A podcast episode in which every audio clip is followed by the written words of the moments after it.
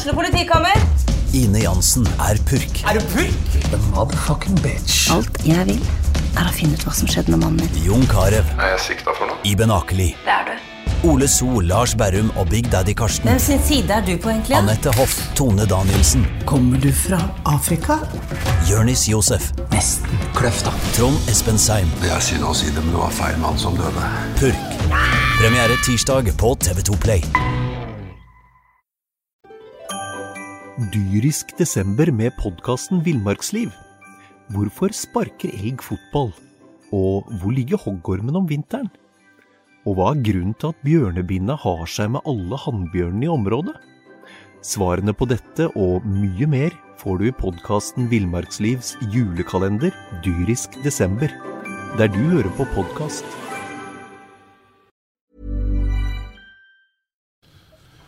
Å herregud, hvis det er lov til å si det. Og når vi ikke trodde det kunne bli eh, verre, så eh, ble det jo faktisk da. Brann har rykt ned på det mest eh, absurde vis. Du hører fotballpreik, og jeg har selvfølgelig tatt med meg BA sin faste fotballekspert eh, Mons Ivar Mjelde. Og så har vi med en som har fulgt Brann så lenge at eh, jeg vet ikke om han husker det sjøl, eller hva sier du Davy? Du har, eh, du har fulgt Brann i noen år. Jeg husker da Mons debuterte. Jo, Ja. Jeg har fulgt Brann i, i tomannsalder siden slutten av 50-tallet. Har du sett på maken til fotballkamp? Nei, ikke sånn enkeltstående kamp, men jeg, vi har hatt mange tunge sesonger.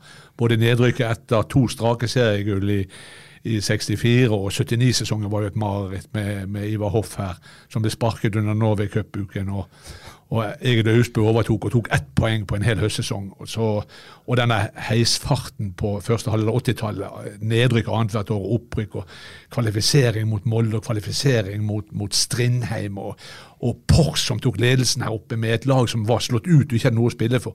Så det har vært mange ydmykelser og mange tunge stunder. Selv om det da vippet opp både med, med seier over Bryne i kvalifiseringen eh, i 91 og i, mot Sandefjord marginalt i 2002. Og så har du jo selvfølgelig Mjøndalen Marit i 2014. Det har vært mange, mange traurige perioder og tunge sesonger, men dette som, som enkeltstående begivenhet, så er jo dette eh, på en måte essensen i 2021. Du får alt komprimert på 120 minutter eller 150, så det blir mer straffende. Ja, altså, men, men eh, hvis det nå skulle være et lag som leverte noe sånt, det overrasker kanskje ikke deg at det er sportsklubben Brann som, eh, som steller i stand noe sånt som dette her? Nei da, og det, og det er altfor enkelt å si at uh, de hadde uflaks og skulle vunnet uh, soleklart mot en mye eh, mer begrenset motstander. Det, dette er jo summen av alt som har skjedd i løpet av året, og det presset som de har lagt på seg sjøl, og de høye skuldrene og brente straffer. Det lå jo i kortene, og du visste jo, etter å ha sett Robert Heider ta straffe før, så vet du når han går frem med hjertet hamrende og puls på, på 200 Det kan ikke gå. Og det, det vet du, og du vet også at Øystein Øvretveit kommer til å spille sitt livs kamp. Det er mange sånne enkeltfaktorer. Ja, nei, Det er helt enormt. og eh, Når de vi er inne på det, altså det, det, det, det utslaget, eller det summen av alle faktorene. og Vi får jo egentlig noen ganske sånne konkrete utslag i går, Mons. De har hatt problemer med å få ballen i mål. og det, Vi trenger ikke engang snakke om hva som skjedde i går. Eh, alle de sjansene som de ikke får mål på. To straffespark som de brenner. Men så er det òg det at de skal satse på ungdommen. Ungdommen er innblanda i en to-tre baklengsmål. Altså Wolfe sa eh, rett ut til oss etterpå 1-0 til Jerv. Den er min. 4-4-målet som de på utrolig vis eh, Jerv klarer å skåre omtrent før Brannfansen har fått eh, fyr på blussene etter 3-3-målet. Det kommer jo da etter at, eh, etter at eh, Blomberg faller litt for kjapt inn. Det er oppheve offsiden. Han og Kolskogen ikke, klarer ikke å ta igjen den mannen som da går gjennom og skårer. Og som selvfølgelig er en gammel Mjøndalen-spiss for øvrig. Det, det, det er som David sier, det er summen av, av for dårlig kvalitet og lite samspill. Ja, det er, mange, det er summen av mange ting. Ja, men, ja, ja. Men, men det er klart at uh, Brann har jo hatt Og så er det litt sånn Hva skal jeg si Det, det er liksom enkelt å bare bortforklare hele sesongen med at vi har vært for dårlige i begge bokser. Eh, det måtte man jo gjort noe med for lenge siden, nå, tenker jeg. Eh, sant? Eh, så det er klart at man har mangla kvalitet i de avgjørende øyeblikkene. Men du ser i kampen i går òg, så er det jo ikke så unaturlig at det blir et psykologisk spill òg. Altså kampen skifter litt karakter etter hva som skjer i kampen. Og det vil si at jeg syns spesielt etter HV sin utvisning, eh, og der Jerv går opp til 2-1, så, så, så skjønner, så sy, synker et eller annet inn i brannhodene. Eh, jeg tror at de da tenker litt eh, negative tanker, at dette blir tøft med én mann mindre. Men de hadde vært så dominante at jeg tror jo det at eh, ved å ha samme tankegang og Det var fortsatt muligheter for å skape sjanser og skåre mål på dette Jerv-laget. Det viste de jo til slutt, da. Eh, selv om man var én mann mindre. Eh, men, men jeg, jeg følte i en periode der at de falt i kvalitet. Brann falt i kvalitet. Eh, og jeg tror at det var eh, nervene spilte de et puss, og da fikk jo Jerv gå opp til, til 3-1. og og eh, det er klart at uh, i løpet av 90 minutter skulle Brann ha vunnet denne kampen. Ja, ut fra spill og sjanser. sant? Men uh, ut ifra når Jerv leder 3-1 og 4-3, så, så tenkte jeg at seieren var jo langt ned i lomma til Arne Sandstø og, og Jerv òg. Så det var jo en helt ko-ko avslutning på, på kampen. Men begynner ikke vi Davy, å ane uråd allerede sånn midtveis i første omgang, etter en, eller en, en halvtime, når da Først så Brann presser på, får ikke mål. Eh, kommer, kommer mål imot, og så brenner du ut straffe. Og, Ja. og da begynner jeg å tenke ja, så er vi Dette der vi igjen. Ja da. Det er akkurat det. Det, det, det er sånn eh, det, det er liksom Dette har vi sett. Dette er Brann Raufoss. Med én gang er Raufoss over midtstreken. Og Erik Østeng, som ser ut som en aldrende bedriftsfotballspiller, lager 1-0, og Kniksen brenner straffespark. Brann Sagen i cupen. Altså, det har vært en million sånne forestillinger. Enkeltkamper. sant? Og Det var det som var poenget med dette. Over ti kamper så hadde Brann vunnet 7-2-1. Altså sju seire, to uavgjorte og, et- og et tap for, for Jerv. Ja. Men i en enkeltkamp på nøytral bane så har Jerv en sjanse. Men hvis du ser, hvis du tar gårsdagens to spillerstaller og sier ett av disse lagene skal spille i Eliteserien neste år, hva slags stall vil du ha med deg? Da vil enhver fotballtrener si jeg vil selvfølgelig ha Brannstallen, for det er Jerv-laget der. Hvis det skal være sånn i, i 2022, så tar det ikke veldig mange poeng. Eller som eh, Birger Grefstad sa, da, hvis dette er nivået, så feier vi gjennom førstedivisjon. Det er jo òg en fantastisk Ja, ting det, ting å si. det er ikke nivået, vet du. Det, det, det, det er jo psykologien i hver enkelt kamp. Brann får De får 15 cupfinalister på motsatt banehalvdel. De skal møte tross alt 11 av 15 motstandere er tidligere tippeligalag. Så det er ikke sånn at, at de feier gjennom og de har så mye ressurser at de tar det bare på, på vilje, organisering og systematikk og bedre spillerstand. Det er masse psykologi, og mye av det de opplevde i går, vil de oppleve i enkeltkamper neste år også, som de gjorde i 2015. Hen er Levanger i dag, men de slo Brann. De lærte 4-1 med Brann og fikk sparket Rikard Norling. Jeg var i Levanger, og det var, det var hånflir rundt kjeften på trønderne. Og det kommer de til å oppleve neste år. Selvfølgelig. De kommer til å kose seg, eh, alle disse klubbene som skal ta imot Brann. Det er årets fest. Og så er jeg litt redd for at det utsagnet til Birger Grevstad, det glemmer ikke disse her obo- Det, det er blitt veldig mye styr i media nå ute av dette sitatet. Eh, jo Ila Mankwa har vært ute og er veldig Ja, selvfølgelig. Det er bare For det ut og henger det på takk- veggen. Takk, på en måte. Vi klipper det ut og vi blåser det opp, og så gir det oss ekstra motivasjon ja, inn i 2022-sesongen. Så det er klart at det, det bare gjør det enda litt vanskeligere. Ja, da, du, må, du må eh, være enda litt ja. mer suveren for å, for å, å stikke Altså, av med Jeg syntes jo at Birger Grefstad har, eh, har eh, holdt seg litt i skinnet de siste par månedene, men det var jo kanskje på tide da at han trakka ute litt igjen. Altså, ja, Det er ikke lurt å si. Det er ikke lurt å si helt. For det er klart at eh, Brann trenger ikke gi motstanderen motstanderne i Obos-ligaen ekstra fyr på dette bålet. Det, er, det er en dokumentasjon på manglende bransjekunnskap. Du, du skjønner ikke hva slags virksomhet du er med på hvis du sier noe så krenkende og respektløst overfor de andre. Det jobbes knallhardt og målrettet i alle norske, de 32 øverste lagene i norske seriesystemet, og også i Post Nord-ligaen, jobber knallhardt målrettet med ressurser, med flinke folk. Skal du ta igjen de foran deg, så må du være bedre enn de, og Brann er ikke bedre enn noen. Nei, og husk eh, Bare se hva Start har brukt av eh, midler de siste årene, og har egentlig hatt problem med å, å henge på disse her andre, nå som rykte opp. sant? Altså Nå fikk vi Ålesund opp fra Obos-ligaen. og og HamKam hadde jo en kjempesesong med Kjetil Rekdal. sant? Så, så det er klart at det, det, og det er mange om beinet. Og neste år med Mjøndalen ned, som er et eh, hva skal jeg si, durkdrevent eh, Obos-ligalag, eh, og, og kan Og den Sogndal, divisjonen. tenk på Sogndal, da! Som, som, som alltid, Ja. ja, som, men de er jo alltid der. Ja, de er det. Som de sier, vi skal være mellom nummer 1 og nummer 24. Så de mister jo ikke hodet, de skammer seg jo ikke. For Bergen er jo en spissrotgang å skulle være i Obos-ligaen. For, for Sogndal så er det en, en normaltilstand. Og det, de var langt foran Brann i 2015. Milevis foran Brann. Og Brann var milevis foran Sogndal i 2016. Det sier noe om at det er mye enklere for Brann å spille eliteseriefotball. Se på Viking! Viking var nede i 2018. De fikk 0-5 på Ågotnes. Og hvor er Nessotra nå? Ja. Ja. Det, det, det, Ja. det er jo der du må skjønne at disse tingene her er ikke konstante, og de er ikke forutsigbare. Dette er psykologi, og fra runde til runde. Nå var det jo Birger Grafstad som trakk ut i dag, eh, men det er jo ikke sikkert at det er Birger Grafstad som er leder for den klubben når vi går inn i sesongen i 2022. Eh, BAs sportsredaktør Tormod Bergersen var ute eh, i eh, god tid skulle jeg si, for 14 dager siden og sa at eh, her, nå er det nok. Eh, Grafstad og eh, daglig leder Vibeke Johannessen må gå. Eh, Jeg ser at BT, BTs Anders Parmer er ute og sier det samme i dag. Og eh, i en sak som vi har ute på nettet nå eh, på BA, Kjetil Raknes, han er høgskolelektor i kommunikasjon eh, på Høgskolen Kristiania, sier at ikke et eneste menneske i Bergen eh, er vel eh, interessert i at noen av disse her styremedlemmene skal fortsette, bortsett fra de kanskje sjøl. Hvor stor eh, bør den opprydningen bli? Er det, er, det Men vi må slutte med dette nå og si at han skal sparkes, og han skal sparkes, og han skal fjernes, og han skal erstattes. Ja, men Har ikke de gjort ganske mye gale, da? Jo, men de du har, er de beste du kan få, til du har noen som er bedre.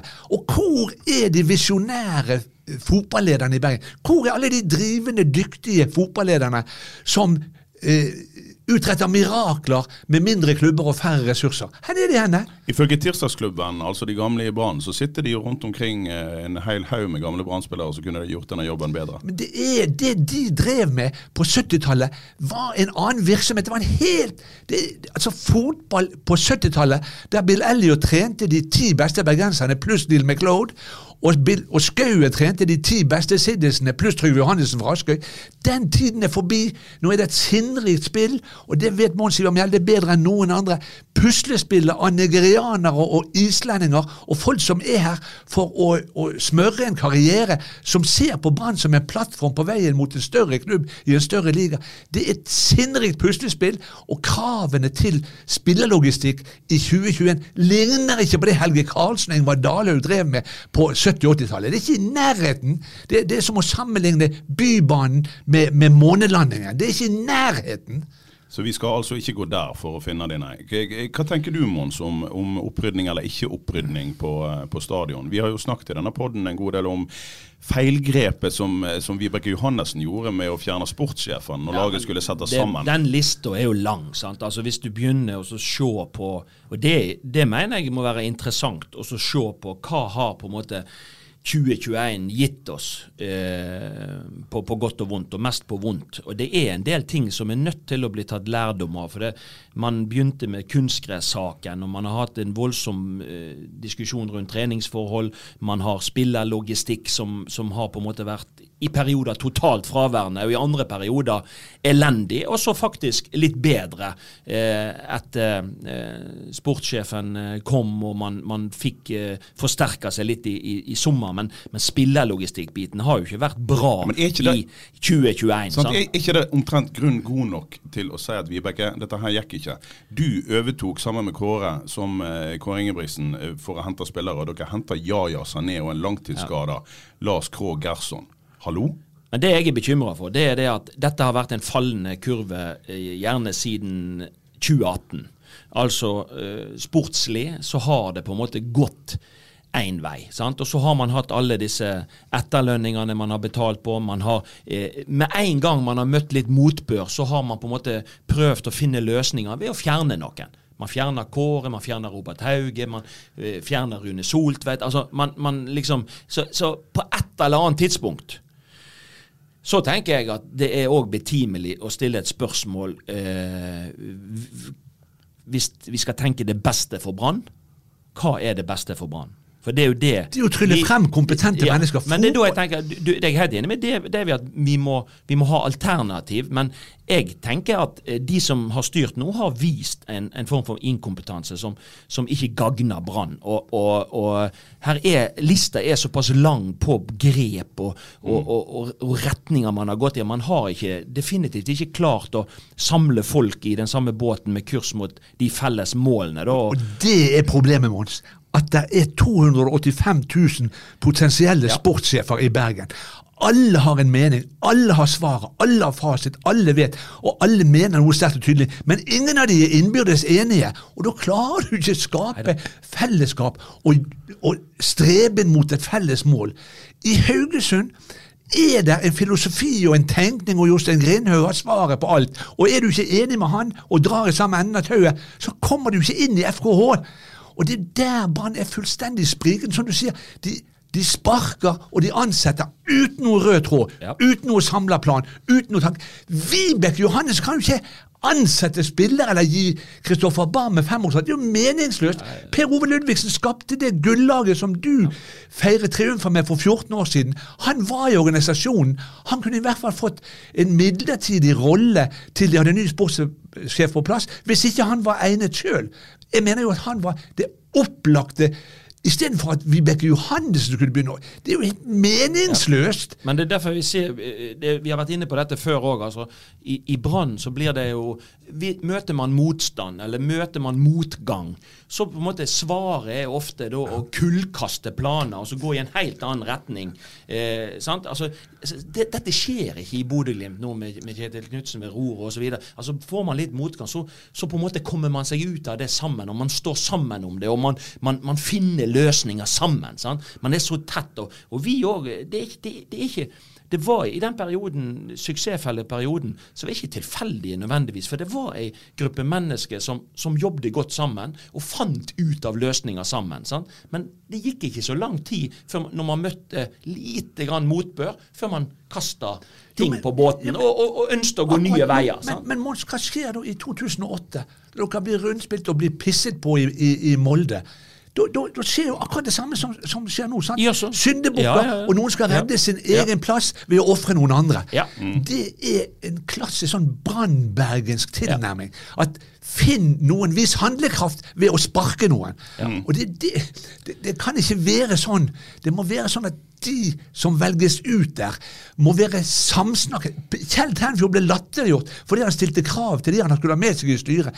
Men du kan ikke ha et styre som består av talspersoner fra ulike grupperinger. Du kan ikke ha noen fra sponsorene, og noen fra Store Stå, og noen fra Gamle Brann, og noen fra Eldgamle Brann. Og så skal de vokte på hverandre og hindre at ikke de får for, ny, for mye makt, og at ikke de De må være samsnakket og enige om veien og målet. Det kan ikke være innbyrdes uenige talspersoner for stridende grupperinger og, og maktkonstellasjoner. Det er meningsløst. Det er jo akkurat der vi er nå. Jeg har vært sportsjournalist i denne byen i 25 år, og nå er vi tilbake igjen til sånn det var. Inntil den suksessfulle Ja, vi- perioden vi- som, som du snakker om, Mons. Eh, Vi er der nå at Men folk, hva er at- at, nei, men vi er der nå at folk ringer til oss for å skyte på andre. Vi trenger ikke ringe til kildene våre lenger. De ringer til oss for å skyte på andre grupperinger i Brann. Men dette er det samme som Vålerenga opplevde under Kjetil Rekdal og Kjetil Siem. Da hadde du suksess, så du fikk nullstilt alle disse her gruppene som mener noe og involverer seg når ting går dårlig. Og sånn var jo det. Suksessen det kom gradvis. sant? Med cupgull i 2004 så kom Martin Andresen, så kom det bedre og bedre og dyrere og dyrere spillere, og det ble bedre og bedre prestasjoner. Da uskadeliggjør du alle negativkreftene. Da dukker folk ned i hullene sine og holder kjeft til gullet er sikret. Så kommer de opp igjen når motgangen melder seg. Men det er en annen ting òg, og det er det at vi jobbet veldig hardt fra 2002-2003 internt i organisasjonen for å få alle med. Ja, og Altså, det, det var et valg, sånn- Mons. Du var på Ja. vei til å få sparken da det var krise. Og, og, og eh, Chess-gründeren hentet Raymond Kvisegren. Den sommeren gjorde Brann et veivalg. Vi sparker ikke, Mons. Nå står vi sammen om dette. Yes. Og det er unikt i, i Brann-historien. Eneste gangen Monsen var egentlig De hadde rigget giljotinen og skulle ofre Mons på klassisk brannmann. Så sa de nei. Vi står sammen om dette her. Vi har kommet inn i denne krisen sammen. Vi må komme oss ut av denne krisen sammen. Og da hadde de tapt for nestjumbo Tromsø her oppe, og så snudde det. Stemmer det. Og endte med seriegull. Og så sprakk det med altfor høye lønninger til altfor mange spillere. Det kunne ikke vare. Fordi de måtte selge Torstein Helstad og tapte for Marseille. De hadde Marseille på gaffelen i returoppgjøret. De hadde vunnet 2-1 der nede og gått videre på bortemål hvis de hadde hatt Torstein Helstad. Ja, det er jo ja. sannheten. Og det er sånne marginer som er i fotballen. Små marginer, men det er jo summen av å, å, å, å ta så mange eh, rare grep nå, da, så, så jeg syns at det er betimelig å stille spørsmål om om ikke det er at det er på tide å, Det det renske opp litt, sånn at man kan på en måte få Brann tilbake litt på sporet der vi ønsker det. For det, det at de rykker ned i Obos nå, det, det, er, det er altså så Hva skal jeg si Det er så katastrofalt. Eh, det er så mange som er så glad i Brann. Det er altså Brann sin posisjon på, på Vestlandet. altså Dette her, dette smerter, altså. Ja. Nå sitter folk rundt i Norge og ler av Brann. Men for å, for å avrunde den, Davy, så var jo det akkurat spørsmålet eh, mitt eh, var eh, og, eh, Det blir jo oppsummert veldig godt. Du sier at det er typisk Brann. Når det går dårlig, så må noen finne seg noen syndebukker og gi de skylda og gi de sparken. Var ikke det akkurat det Vibeke Johannessen gjorde når hun Jo, sparka ja, Rune Skulle Soltvedt? de demonstrere handlekraft ved å ofre Rune, som hun hadde stått last og brast med. Lars Arne Nilsen og Rune Soltvedt kom til, til ledelsen i Brann og sa vi må ha Søderlund. Og hadde de fått Søderlund før 2018, der de altså har 26 poeng på de ti første kampene Ja. De har to uavgjorte kamper og vinner åtte av ti. Før han der ja. Erling Brauten kommer her og skårer fire mål på 17 minutter. Da hadde de sluppet inn fem på 14 kamper. Fem baklengs på 21 timer, så får de fire på 16 minutter, Erling Braut. Ja. Og, da- og da får de fullstendig panikk. Når Sivert Heltene Nilsen går til Danmark, så rabler det jo for dere, altså pressen, for publikum, for alle, som om verden raser sammen. En annen klubb hadde jo bare justert og skaffet en tilsvarende spiller. Nei, de kjøpte. Bamba i stedet for. Ja, det, ja, men det var, Det jo, var men presset, presset kommer jo fra dere, som skaper det hysteriet. Og det er ikke ambisjoner i Brann. Og trenerens sønn går. Og det er dere med på den der himmel- og Du har nå vært i denne her- er en del. Ja, ja, men det er- av det. Ja, selvfølgelig. Jo, men David, det er jo sånn at når uh, Helte Nilsen går, så, så skulle jo Brann hatt et scoutingapparat som, som var sånn at, at da, da, For at nå selger vi han, og så får vi litt penger, men så har vi jo erstatteren klar. Selvfølgelig. Og det er det kun én mann ut, én mann inn i samme posisjon. Selvfølgelig. Sånn jobber de, de jo i henter Ruben ja. Yttergård, som en helt annen spillertype, som er pasningslegger, som ikke er noen ballvinner. Og så prøver de han der, og så, så raser det sammen som et korthus. Og siden har vi rast utforbakke. Siden har vi kjørt på en humpete timpetue hele veien. Men bandt den seg ikke litt for lenge til den maste som på en måte hadde kanskje nesten gjort det altfor godt? Og altså, Lars Arne Nilsen eh, og Rune Soltvedt og Vibeke Johannessen fikk Brann opp altså ved hjelp av 20 Trond Moen-millioner. Men de fikk Brann opp, og så litt sånn klassisk Brann-maner kanskje, så får de all makt. Og den makten den satt de på i veldig mange år. Også etter 2018, når ting hadde begynt å gå nedover. Og Eivind Lunde lot det gå et par år før det ble tatt grep. Altså, Er ikke dette her òg litt klassisk Brann, da? Når noen får litt suksess, så får de masse makt. Ikke minst treneren. Altså trenerstyrt. På mange det, vis. det, det er jo problemet med, med moderne fotball. Hvis, hvis treneren får all makt og tenker kortsiktig og på egen CV og sine egne meritter, så er ikke klubbens interesser i førersetet. Det må være noen som tenker det. Og Det er jo derfor et styre er viktig. Det er jo derfor kompetansen på styrenivå er viktig. Og det er derfor at det er en sportssjef som sier ja og nei, og som sier nå må vi ha flere yngre spillere inn tidlig. Nå må vi ha en erstatter for han som vi eventuelt får. Det må være klart hvem som skal gjøre hva. Det må ikke være svære hullrom når én blir solgt. De må skjønne hva slags vei det bærer. Ja, for det er jo skammelig. Unnskyld at jeg avbryter deg, men det er jo skammelig. For vi snakker jo med de yngre spillerne. Vi er ganske tett på lokalfotballen her i BA.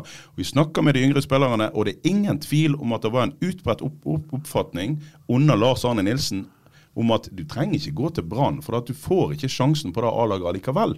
Og det er jo ille. det er jo, Og det er ikke bare Lars Arne Nilsen sin feil. Sant? Han, ok, så, så liker han rutinerte spillere, ja. Men det var jo ingen som stoppa han. Det var jo ingen struktur i klubben som sa at vi må jo fase inn noen nye spillere. Noen nye ungdommer. Det er helt rett. Og det er jo det som er arven etter Lars Arne. Som jeg syns jo de prestasjonsmessig og organisatorisk fremsto som et lag og tok sølv i serien etter opprykket. Det, det Enormt. Men spillerlogistisk så er han og Rune Soltvedt langt på vei en katastrofe. Fordi at det er en dårlig miks av spillertyper. Det er en dårlig kjemi. Det er dårlig, jeg, jeg, jeg har vært på en del branntreninger, og, og det, i første halvdel så var det ingen stolthet, ingen ærgjerrighet, ingen ledertyper. Det var ingen Vito Wormgård, det var ingen Sivert Heltne Nilsen. Men de er kommet, og jeg syns Brann har fremstått som et ganske anstendig og ryddig lag etter den der nachspiel-skandalen, og etter måten de har samlet seg på, og Hornland har dirigert troppene på, så syns jeg faktisk de har opptrådt på en måte de har hatt uflaks. De, de var heldige som utlignet på overtid i Bodø. De var heldige som utlignet på, på overtid hjemme mot, mot Stabæk. De var heldige med 2-2 i Sandefjord. Men totalt sett så burde de vunnet i Mjøndalen. De kunne vunnet i Tromsø. De, de burde slått selvfølgelig Stabæk hjemme. Det målet som går inn mot Stabæk, det er jo et skudd fra 35 meter fra en mann som, som aldri har skåret før og aldri kommer til å skåre igjen. Så de har jo hatt altså De har spilt elleve uavgjorte. Hadde fem av de vippet opp og blitt, blitt seire, så kunne de tapt de andre seks, og så hadde de tross alt gjort det bedre. Ja, visst. Men de, de skulle jo aldri vært på kvalifiseringsplassen med 26 poeng. Det er kun Start i, i, i 2015 som har klart det med 22. Ellers hadde du måttet ligge rundt 30-31. Absolutt. Så de har jo hatt maksimal tur med at to andre lag var like dårlige eller enda dårligere. Så, så de har jo fått liv i gave, for de har sviktet i de vitaloppgjørene. De must-win-kampene, borte mot Mjøndalen, hjemme mot Stabæk, da, da, da leverte de ikke. De, de innfridde ikke. Og så kan du skylde på vann på overvann og keepertabbe mot Viking. Det er tusen ting, men alt henger sammen med alt, og psykologien og kjemien rundt prestasjon. Det vet jo du, Mons, når du har en prestasjonsgruppe, og styrelederen lager helvete for deg hver gang han åpner kjeften til pressen. Det blir vanskeligere, det blir energilekkasje, det blir distraksjon, det blir feil fokus, fordi at de har evalueringsmøte om Kåre hver mandag, for da skal han vise handlekraft. Ja, vi tar dette på alvor. Styrelederen skal jo ikke mene noe om five-side-stilen til Brann. Men det er jo det jeg mener da, at det- at det har skjedd alt som har skjedd i 2021, det, det vitner jo om en, en, en organisasjon og en klubb som på en måte spriker i alle retninger.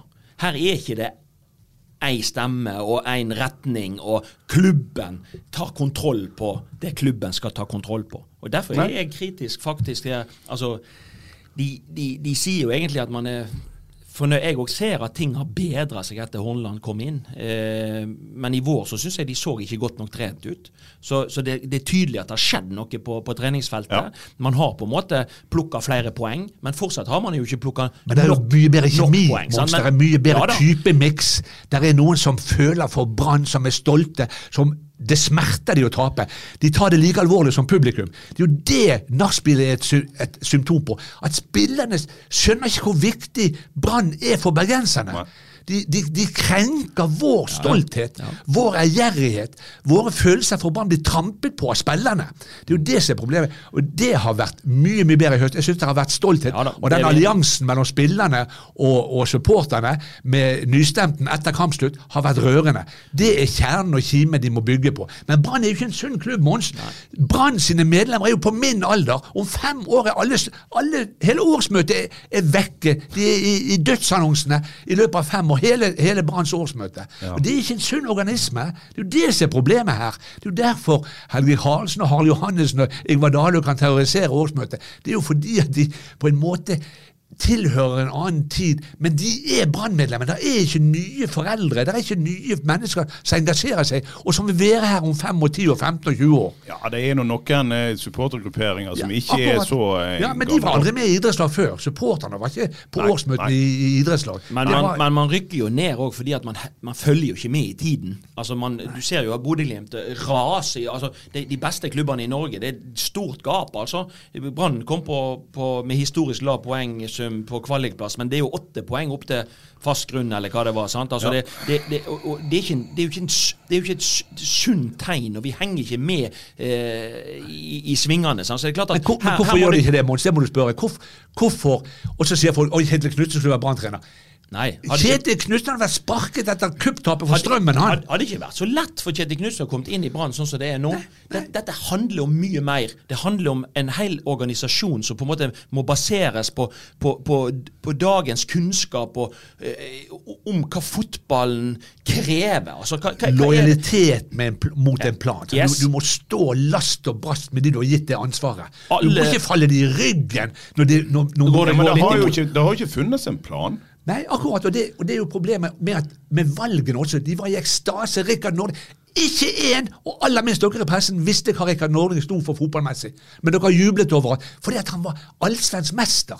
Da var han perfekt for Brann. Men hva sto han for spillemessig? Nei, Det annonserte han jo ganske kjapt. Han skulle jo spille sånn og slik, helt uten å ha peiling på hva spillermaterialet han hadde. Og uten å vite hva han møtte. Ja. Ja, og så må, så må det være slutt på at altså, det er ikke nok i Brann eller å hente folk pga. navn eller hva det er for noe. Det handler jo om Og derfor er jeg kritisk også til en sportsplan noen som ikke står noe om hva, hva, hva fotball hva, hva det fotball Vi skal spille offensiv fotball, ja, står det. Men det er og lengderetningsorientert. Men, men, men hvis du skal hente spillere som går som hånd i hanske inn i dette maskineriet, noe Bodø-Glimt gjør De selger antageligvis eh, han Patrick Berg nå, og så har de en erstatter klar. Sant? Altså De henter inn Det er veldig tydelige roller. I Brann er ikke noen tydelig rolle. Og hvis det er treneren som skal Altså Klubben skal overleve treneren. Klubben må ha den kunnskapen og den kompetansen som skal til til å sette dette skapet på plass. Og Jeg er ikke sikker det vi heller Sånn historisk sett så, så er vi vel ganske sikre på at det er ikke så, det er ikke så bra at man har alle disse grupperingene rundt Brann. Eh, at alle skal mene noe, eller alle skal posisjonere seg i, i forhold til hverandre. Det er nå viktig at man klarer å bygge opp et mer solid eh, Men da må du lansere en idé, og så er det noen som sier ja. Det går vi for. vi er lojale mot det. Det Ja. tror vi. Og det står vi. Og det, uansett om vi taper om vi, om vi taper for Grorud, så gjelder det, og da jobber vi videre etter de Ja, men er prinsippene. ikke dette altså, jeg, jeg, jeg er jo litt lei av at en skal se på supportere og gamle og nye som, som en eh, belastning. Er ikke det sånn at engasjement er en eh, forbanna god ting, Jo. men at det er klubbens oppgave å styre ting, og i hvert fall, eh, i hvert fall tilegne seg den tilliten fra byen at OK, dere får styre. Eh, altså, det, det, det kan jo ikke være det, kan ikke være fælt at noen Nei. er engasjert rundt en klubb, men det, er Det jo, det, men det er jo styringen i klubben Ja, som er dårlig. Vi er enig i det. At det engasjementet som er rundt Brann, og det at tidligere Brann-spillere altså det, det er en historie her som på en måte er, er, er, er, skal være positiv å ta med seg på veien. Mm. Men det er hvem som skal sitte med bukten og begge endene, og hvem skal sitte med styringen. Det må være kompetente folk i Brann sin ledelse. Hvis, hvis du romantiserer Bundesliga, som enkelte av supporterne i, i Bergen gjør, og sier det er supporterne som styrer, tror noen at de på tribunen overstyrer Ole Hønes og Karl Hans Rommenegge, Da har du ikke skjønt noen Nei. ting. Jeg har hatt tysk trener i Østerrike, og du, du, du bestemmer ingenting. Det kan jeg bare si deg. Nei, så, Han- men, det var- men det må være noe du tror på, noe som du er lojal mot. Noe som, hvordan skal vi få det til, da? For at vi har jo disse grupperingene. Og ingen skal si at Harald Johannessen eller Ingvar Dalhaug eller hvem som helst vil klubben noe vondt. Aller minst Ingvar Dalhaug. Eh, de, de vil jo bare det beste. Men hvordan, hvordan kan en da få denne, disse kreftene til å trekke Til å backe det som klubben ønsker? Altså Først må jo kanskje klubben legge fram en troverdig plan, da. Men du, ledelse er et fag. Og den kompetansen er overførbar. Det er ikke sånn at du må være bergenser og må tilhøre gamle Brann for å ha en rolle på stadion. Kanskje må du kjøpe den. Når Inge André Olsen går fra Stabæk til Aalborg, så er jo det fordi at noen har skjønt at han besitter en kompetanse og har relasjoner og kontakter og kan jobbe med spillelogistikk på en effektiv måte. Da må Brann si at vel, det er kanskje ingen her. Det er kanskje ikke noen i våre rekker. Kanskje Espen Brochmann er en mann med, med fotballkunnskap og, og, og perspektiv og vyer. Det vet jeg ikke nok om. Men det må være noe som noen definerer som målet, og som strategien for å nå målet. Og så må du hente inn de som er lojale og jobber knallhardt 24-7 med det for øye. Uten å ha en egen agenda, uten å ønske å stå i glansen. Altså, Være, være leder i Brann det er jo omtrent som å være kombinert ordfører og festspilldirektør. Og, og, altså, det er den mest fokuserte jobben mellom de syv fjell. Da må du ikke være der for av, av oppmerksomhetsbehov. Sant? Det må være det. Du, må, du må være en idealist som gløder for en sak du tror på, og som alle er noe det er bra. Det er veien å gå, og da må vi ikke gjøre det, og vi må ikke kjøpe han. Men jeg oppfatter jo det dere holdt på med rundt gullet. Eh, Mange har sagt at gullet kom mest pga. penger. Selvfølgelig trenger du penger og ressurser for å ta gull, men jeg oppfatter den gjengen som var der. Du, du søker ikke oppmerksomhet, Mons. Per Ove, gudene skal vite at han søker ikke oppmerksomhet. Eh, Espen Steffensen. Espensen, Steffensen og, og en del andre rundt der som jobber eh, mer i det stille. Men, men eh, eller det var sikkert ikke stilt i korridorene på på stadion. Men sånn, men, men, eh, men, men er ikke dette her et bergensk fenomen, da? At vi er så oppmerksomhetssøkende at vi søker oss til den største scenen, altså Brann? Eh, Får vi som fortjent, Eivind? At det, at, det, at det altså kommer det- sånne oppmerksomhetssøkende, inkompetente folk rekende sine inn i klubben? Så lenge jeg har dekket Brann og vært opptatt av Brann på litt sånn faglig og, altså, det, det er jo schizofrent, fordi at jeg er bergenser og glødende opptatt av Brann og har Brann i kretsløpet og i hvert fiber av kroppen. Men jeg også prøver å være journalistfaglig, og dermed får du en, en sånn dobbelthet i tilnærmingen. Jeg har alltid sagt Brann virker som fluepapir på mennesker de ikke har bruk for. Og de skremmer vekk alle som potensielt kunne gjort en strukturert og målrettet jobb. Det er Branns iboende forbannelse. Men Brann klarte jo med en forvandling, og den, den er delvis styrt av supporterkulturens fremvekst på 70-tallet og de tre cupfinalene, og Arve Mokkelbot, som moderniserer tankegodset og driftsformen med impulser fra, fra uh, Sverige. Det er liksom, der, der skjer det en endring. Men det er for mange bakstrevere. Det er for mange som romantiserer. Det er for mange som tror at det vi holdt på med, kan Brann gjenskape og ha suksess med. For det er som Monsen sier, det Kjetil Knutsen driver med, og har fått tid til å drive med, med Morten Kalvenes som høyrehånd, det hadde aldri aldri fått skje på Brann stadion. For Det er ikke tålmodighet til det. Det er ikke aksept for cuptap for strømmen underveis. Og så kan jeg si det at det, var jo én ting som ble litt undervurdert i den perioden som vi, som vi eh, fikk lov å, å holde på. Det, vi hadde jo med oss en ekstern merkevarebygger, omdømmebygger, han eh, Ola Rånes. Og han, eh, han var flink til å samle oss, og da var det jo alle lederne. Og, det er klart at hvis, Da var man òg flink, og man hadde personlighet av alle, men når, noen, hvis noen var i ferd med å skeie ut, skulle jeg si, eller spore av, så var man jævla flink til å til å hanke det inn igjen. For jeg, jeg tror nemlig at i en by som Bergen med to aviser, og som slåss litt av å ha Brann eh, på første side, og, og, og, og en organisasjon der som du sier en del er mer opptatt av seg sjøl enn å bidra med kunnskap og kompetanse for å utvikle klubben, så, så var det viktig å jobbe internt med disse målprosessene. Det å hele tiden vite hvor vi skal, og at vi er i samme da må, da må du samle de folkene som er viktige for den virksomheten, og så må de spre det videre i organisasjonen. Derfor så var det mindre lekkasjer i den perioden. Sånn. Derfor var folk mer lojale. Folk ble tatt med. Folk, folk, det, var ikke, det, var ikke, det var ikke noe tvil om målet. Hva er konsekvenser for det for alle? Og så må man være villig til å ta de konsekvensene. Sånn at internt i klubben ble det jobba veldig hardt i den perioden på å holde klubben samla. Og det Og internt, jeg internt, så var det jo takhøyde òg, vet du. Ja, det var jo, det var jo takhøyde. det kom inn i garderoben Ja, ja. Sterke personligheter, sterke meninger. Det gikk en kule varm i garderoben. Men, Men var målet, var, målet var klart. Yes. Målet var definert. sant? De var hentet inn i en spesiell hensikt, og de var lojale mot det. Men husk, i, tju- i tju- 08, da?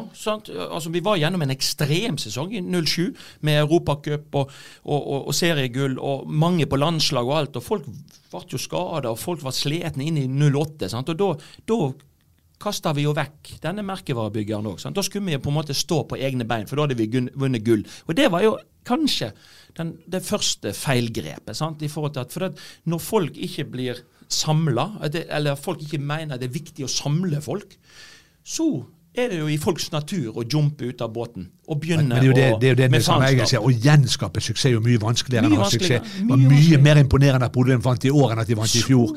Og det er for, fordi at motkreftene og truslene, alle de avsporende tingene Og det er jo det som, som skjer i 2008. Da får du negativ energilekkasje hele tiden. Ja. Og det er jo det 2021 har vært en sammenhengende energilekkasje. Du har brukt krefter og oppmerksomhet. Og du kan si 'jeg leser ikke aviser', eller 'jeg driter i hva de sier på, på øh, ballspark', eller hva helst.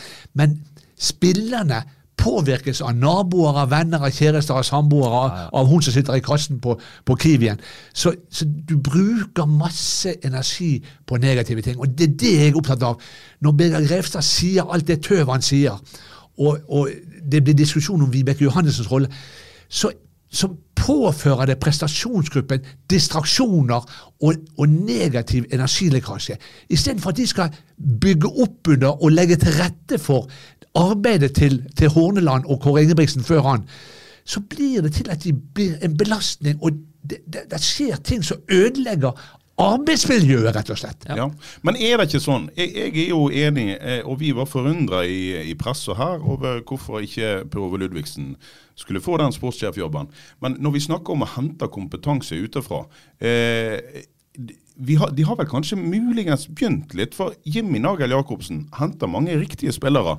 Er ikke det et, ikke det et, et lite bevis på at det finnes kompetanse som, eh, som må søkes ut, utenfor denne byen? Han kom jo som danske til Bergen, henta de rette bergenserne hjem, som nesten klarte å redde dette. Ja, kan ikke ha gjort det helt alene, men Skutle var jo en sentral skikkelse i, i Rosenborg, som var fra Odda. sant? Altså, Det finnes jo eksempel på dyktige eh, eh, ledere i, i norske klubber som på en måte er, er på en måte headhunta inn for å?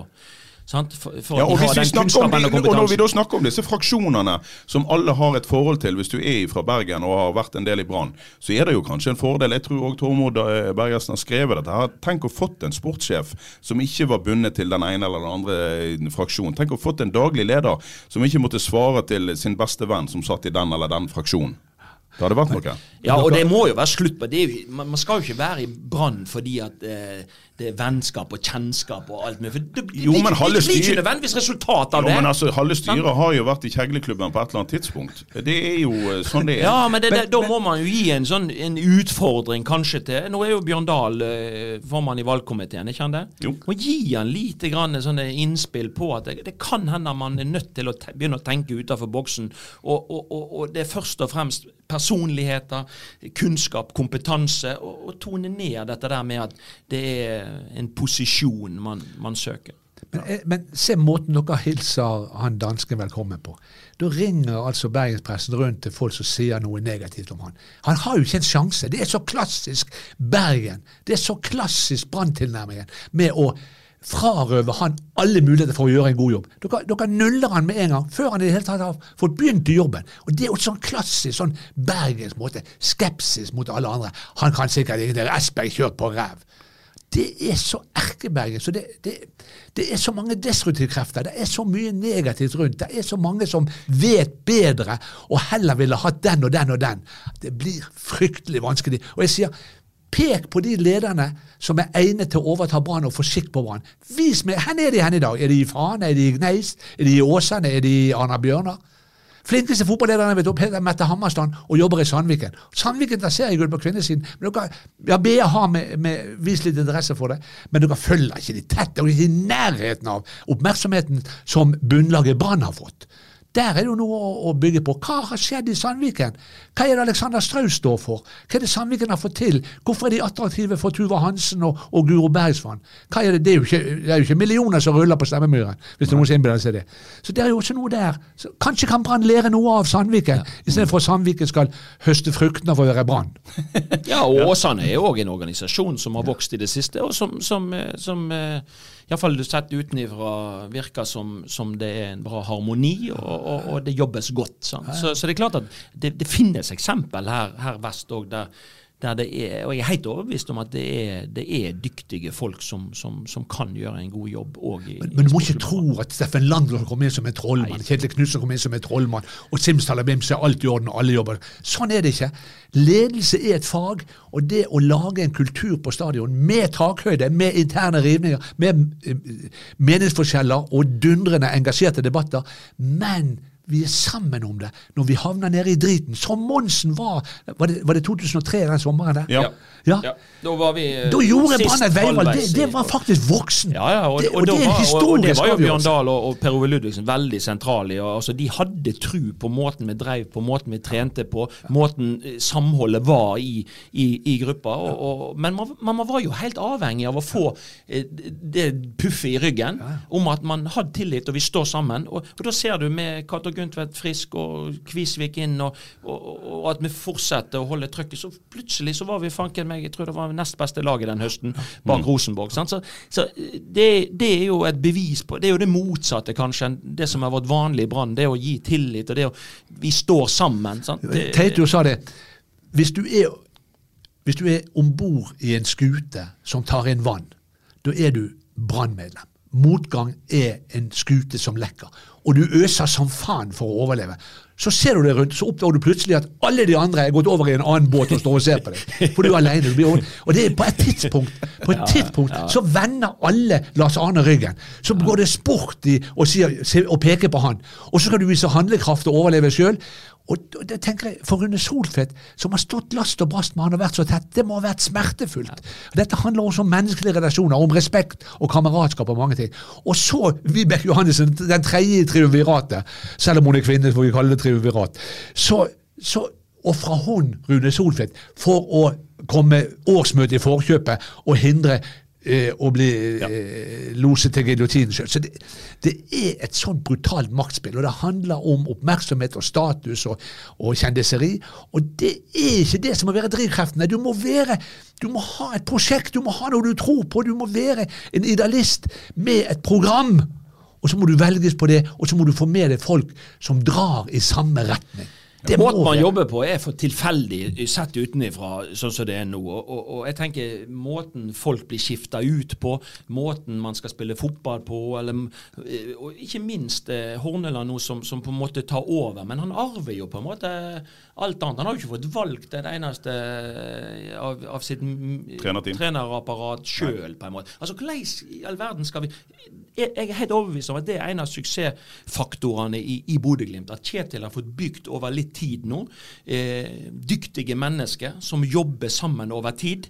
Jeg blir ikke overraska om de faktisk klarer en enda større prestasjon. Det er faktisk å være med og kjempe om gullet neste år òg. Det, det tror jeg faktisk. For det, de er altså så sammenknytta. De, de alle stoler på hverandre. De har sine oppgaver som de skal løse til punkt og prikke. Og, og, og du ser nå, Mons, med, med presseoppmerksomheten, når du går nærmere og nærmere, tettere og tettere på og belyser flere og flere deler av virksomheten, så er det all verdens aktører Ja. i, Ja. På Aspmyra, Ja. i Glipp-systemet, som er bidragsytere. Mentale trenere, de har jo henta medisinske personell fra utlandet. De har jo henta eh, inn eh, altså, folk fra, fra internasjonal fotball som de har knytta til altså, Det er ikke kjent for alle. Sant? Det er jo Kjetil som får mye av oppmerksomheten. Han har Kalven med seg, han har Hauge med seg i systemet nå. Han har eh, tette dialoger innad i, i klubben, men, men de har jo impulser andre plasser ifra, og på medisinsk, på trenersida. Sånn at det er jo etter hvert et velsmurt eh, maskineri med mange aktører. Og det er Det var det faktisk i, i Da var jeg òg heldig og hadde eh, etter hvert et, et veldig godt apparat eh, som, som hadde forskjell ulik kompetanse. Jeg, jeg syns at der skorter det. Ja, men sant, Du Eh, kom jo inn i sånn som Du sier, du, du skryter av Bjørn Dahl, du skryter av Per Ove Ludvigsen. De var der når du kom inn. De var- ja. Ja, sant? Så hadde du med deg Steffensen, en, en dyktig organisator, i forsvarsarbeid osv. Du har mange nøkkelpersoner. Kjetil Knutsen kom jo inn i et Bodø-Glimt som spiller et system, Ja. ja, har gjort det siden 70-tallet, som han kan like. Og så eh, Første året hans spilte de masse uavgjort, kunne ha rykt ned, men så henter han Kalvenes. Ja.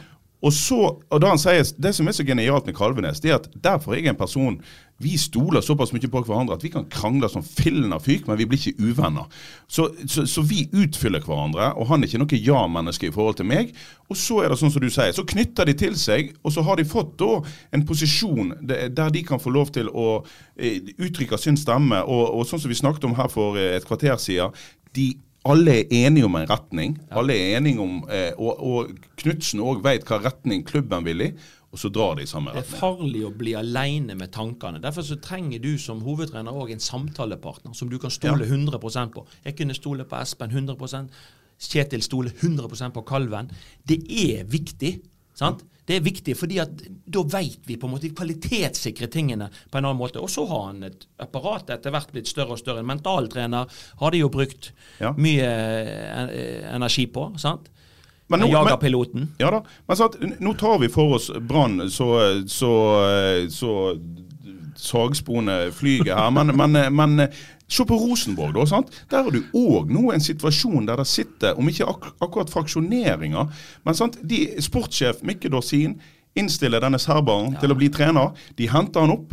Nei, da er ikke styret fornøyd. Rosenborg, Så- så- Rosenborg er begynt å ligne litt på Ja, de ligner litt på Brann. Altså, de, har- de har fjerna seg Ja, men de har jo, men altså, de har jo en Koteng, de har en Bratseth, de har en, en gammel Eggen. Ja, ja. Alle mener noe, og de drar ikke i samme retning. sant? Nei, og det er jo klart at med suksess og med resultater, så stilner all kritikk og all intern debatt. Da drar du i samme retning. Men når det blir motbør, og du har en sånn merittliste, en sånn suksesshistorie som Rosenborg, så blir det fryktelig turbulent. De har hatt det i Viking, de har hatt det i Vålerenga, og de har det i Start. Start er jo Ja, ja. helt på Ja, tannkjøttet. Så, ja, sant? så, så, så Brann er jo ikke alene. Og motgang vil det komme på Aspmyr også. Bodø kommer ikke til å bli seriemester hvert år det, inn i evigheten. Nei.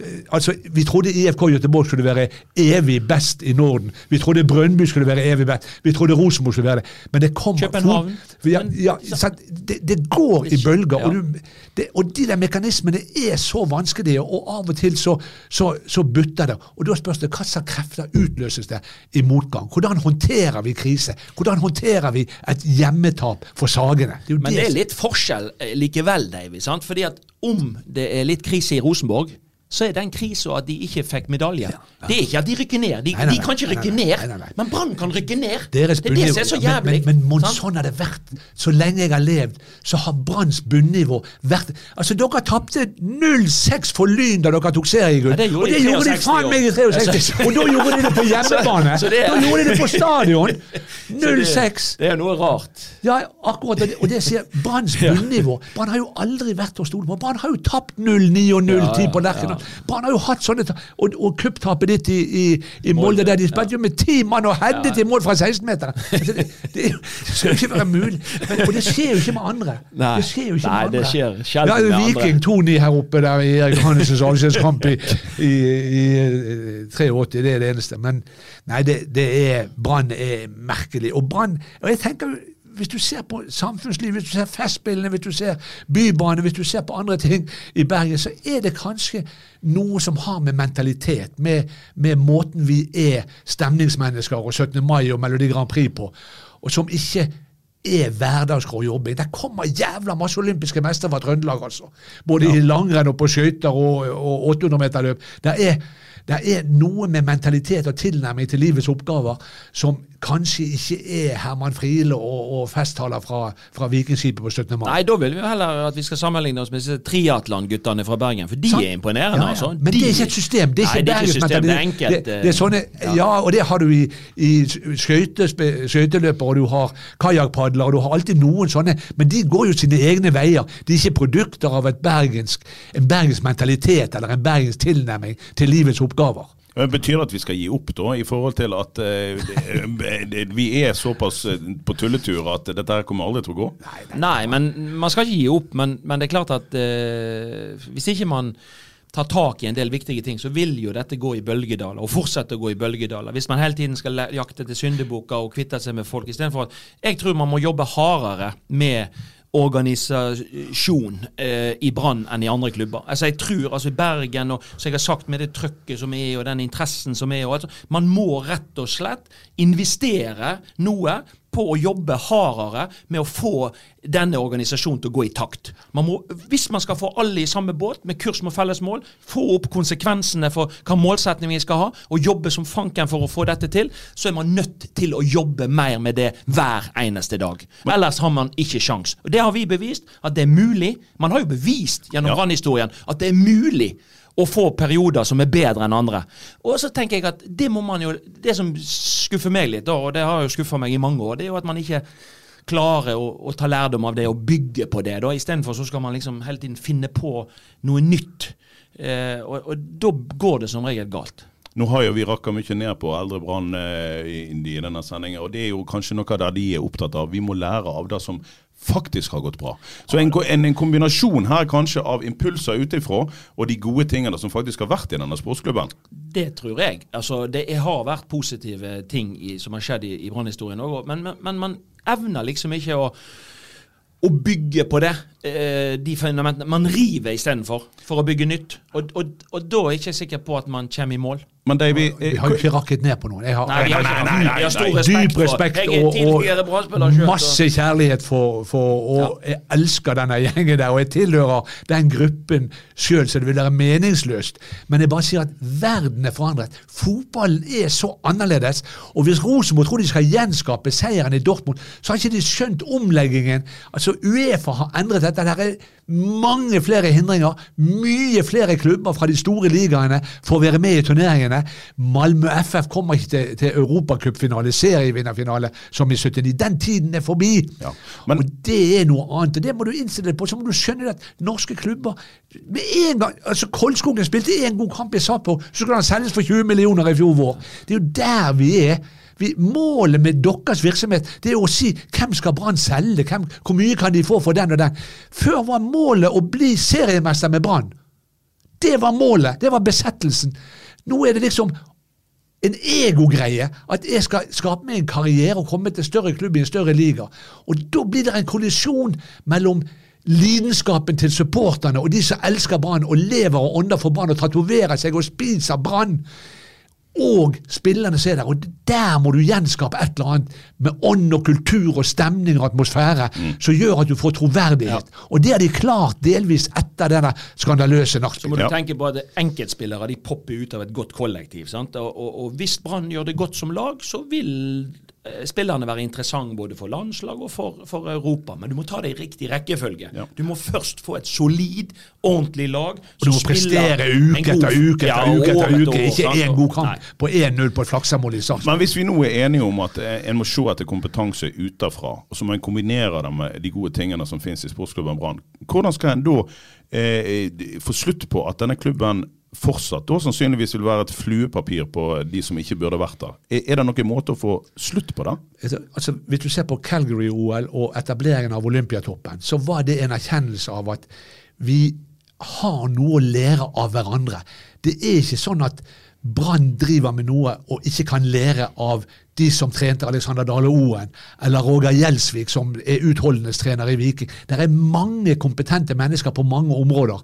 Og ledelse er et fag. Du må ikke intervjue en, en professor på Handelshøyskolen om Brann. For Brann er ikke næringsvirksomhet. Brann er ikke en bedrift der du kan henvende deg til styret, og styret skal eh, endre administrasjonen, for styret besitter kompetanse. Du må endre på styresammensetningen. Medlemmene i styret må det stilles faglige krav til. Du kan ikke ha en styreleder som involverer seg i sportslige spørsmål uten å kunne det helt grunnleggende i fotball. Jeg er jo ikke noen D-trener. Jeg kan jo ikke evaluere og, og, og, si det spillemessige, der gjorde Hornland feil. Nå er det feil at Bård Finne spilte fra start. Det er feil at han tok straffespark. Han skulle spille fra start fordi han kom inn og skåret på, som innbytter. Altså, det er så mange meninger, og du må ha selvtillit og kompetanse og trygghet og urokkelighet. Du må stå last og brast og fast om den butter, og om det går feil innimellom. Det er jo det som er poenget med det dere fikk lov til. Ja, fordi at du som trener, eksempel, du kjenner jo på hele kroppen om folk er med deg eller de er mot deg. Og du merker det veldig godt den dagen vinden begynner å blåse i en annen retning. Da står man mer alene. Det er helt soleklart. Og, og der har man mye å lære. Og, og, det er klart at nå, nå, så lenge Hornland er Brann sin trener, så skal, han, så skal han kjenne hele organisasjonen puffe. Er med å puffe han i riktig retning. Og det Der har, tror jeg man har en lang vei å, å gå. Vi nærmer oss en eh, times prat, gutter. Vi skal ta oss og runde av her. Eh, Jeg kommer til å få grov kjeft av mine eh, sjefer for en lang fotballpreik. Eller ikke. Dette var utrolig hyggelig. Men jeg vil bare ha deres spådommer. Deg først, Mons. Rykker Brann opp igjen neste år? Vi får nå inderlig håpe det. Jeg, jeg, jeg, vi får oss noen fine kamper ute i Åsane, altså mot Åsane. Får en sånn fin lokalderby. Men, men vet du hva? Jeg tror at det, det ligger en gedigen jobb. Jeg, jeg, jeg tror det ikke før jeg ser det. Det ligger en gedigen jobb framfor Brann i forhold til å klare å rykke opp på første forsøk. Jeg tror det Så, så jeg, jeg, blir faktisk eh, Nesten så jeg si at jeg blir imponert hvis de klarer det.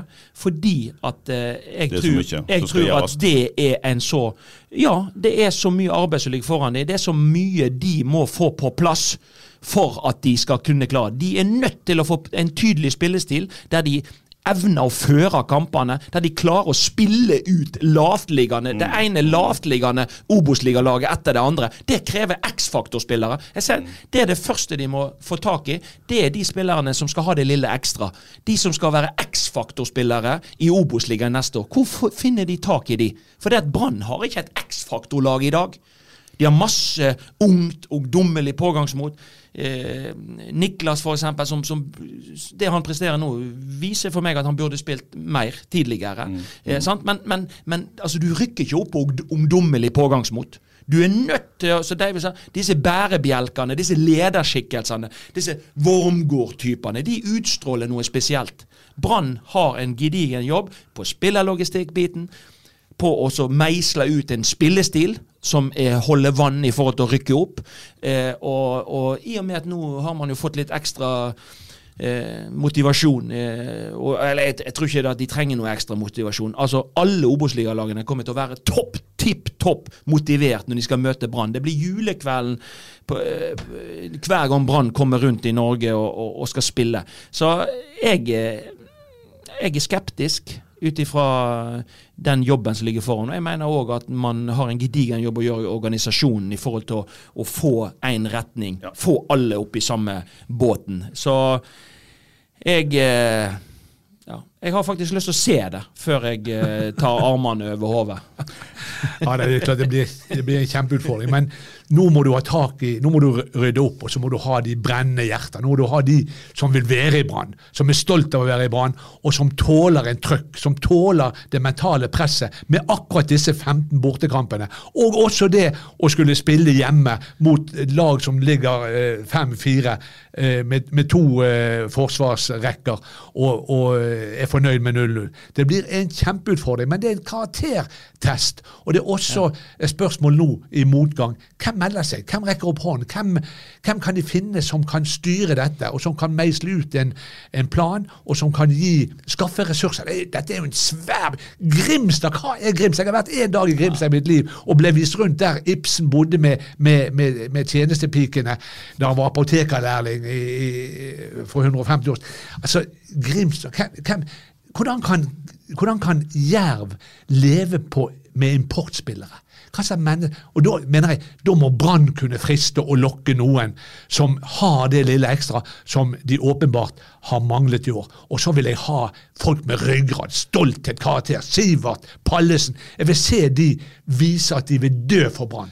Og så, så kommer begeistringen, så kommer entusiasmen. Og så kommer dette med ok, vi trodde det var verdens undergang, men det var altså et nedrykk, og vi rykket opp igjen. Og nå skal vi gå løs på Eliteserien som outsider og slå tilbake, som vi gjorde i, i 2016. Så du må jo tro på det. Hvis ikke, hvis ikke du tror på det de vil jo være favoritt, men, men, det er klart at økonomisk også, sånn, så er det én ting er på en måte at uh, lag som har rykket ned, de bør helst rette opp igjen. For det er klart, blir du enda et år så, så, så, så, blør man jo mer. Ja, ja. Fredrikstad og HamKam er eksempler på at du må ned enda et hakk. Og, og, og, Start har enorme utfordringer.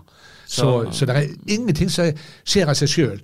Altså, Husk denne serieåpningen i, i uh, Obos i, i 2015 i, i Fredrikstad. Helt jevn kamp så ender uavgjort, og Brann rykker opp og Fredrikstad ned. Altså det, det, er, det, det, er, så marginalt. Denne, denne ligaen der, ja. og det vet jo du med, med, Åsane, det er jo et helvete med to lag rett, rett, opp, fire i kvalifisering.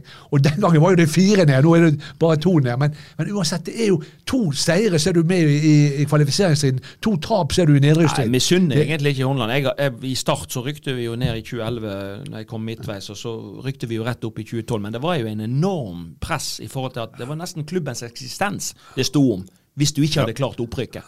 Og Det kjente, kjente iallfall jeg som trener på at det var et eh, stort ansvar. altså. Og, og, og jeg tenker det var i Kristiansand. Her vil det jo være et mye større trøkk. Ja, ja, Norges nest største by, ja. og, så, og så, du, så er du ikke blant de 16. Det er jo det som er torturen. Det er tross alt 16 lag i den norske ligaen. Hvis du tenker til Østerrike eller andre, så er det ti klubber sant, i den øverste divisjonen. Det er klart at det er ikke fordi at det, det er fullspekka med kvalitet vi snakker om. Altså Brann er faktisk ikke i, i, blant de 16 beste klubbene neste år. Det er det er ikke bra. Nei, det, det går på stoltheten løs. Oi, oi, oi. Vi kunne snakket i timevis, men vi skal ikke da. Det var hyggelig, gutter. Og så får vi jo håpe at det blir ei eh, fin jul. Har vi glemt dette her innen eh, julaften, eh, Davy? Nei? Nei. Dette her kommer til å prege oss langt inn på nyåret. Dette, dette, å håndtere disse emosjonene, det er, altså, det er viktig å stoppe opp og si men hør her, det er bare fotball. Men samtidig så sier det noe om hvor viktig Brann og, og, fotballen er for oss bergensere. Ja. Vi lar det bli siste ord. Takk for nå. Dyrisk desember med podkasten Villmarksliv. Hvorfor sparker elg fotball? Og hvor ligger hoggormen om vinteren? Og hva er grunnen til at bjørnebinna har seg med alle hannbjørnene i området? Svarene på dette og mye mer får du i podkasten Villmarkslivs julekalender dyrisk desember, der du hører på podkast. Ukens annonsør er HelloFresh. HelloFresh er verdens ledende matkasseleverandør og kan være redningen i en travel hverdag.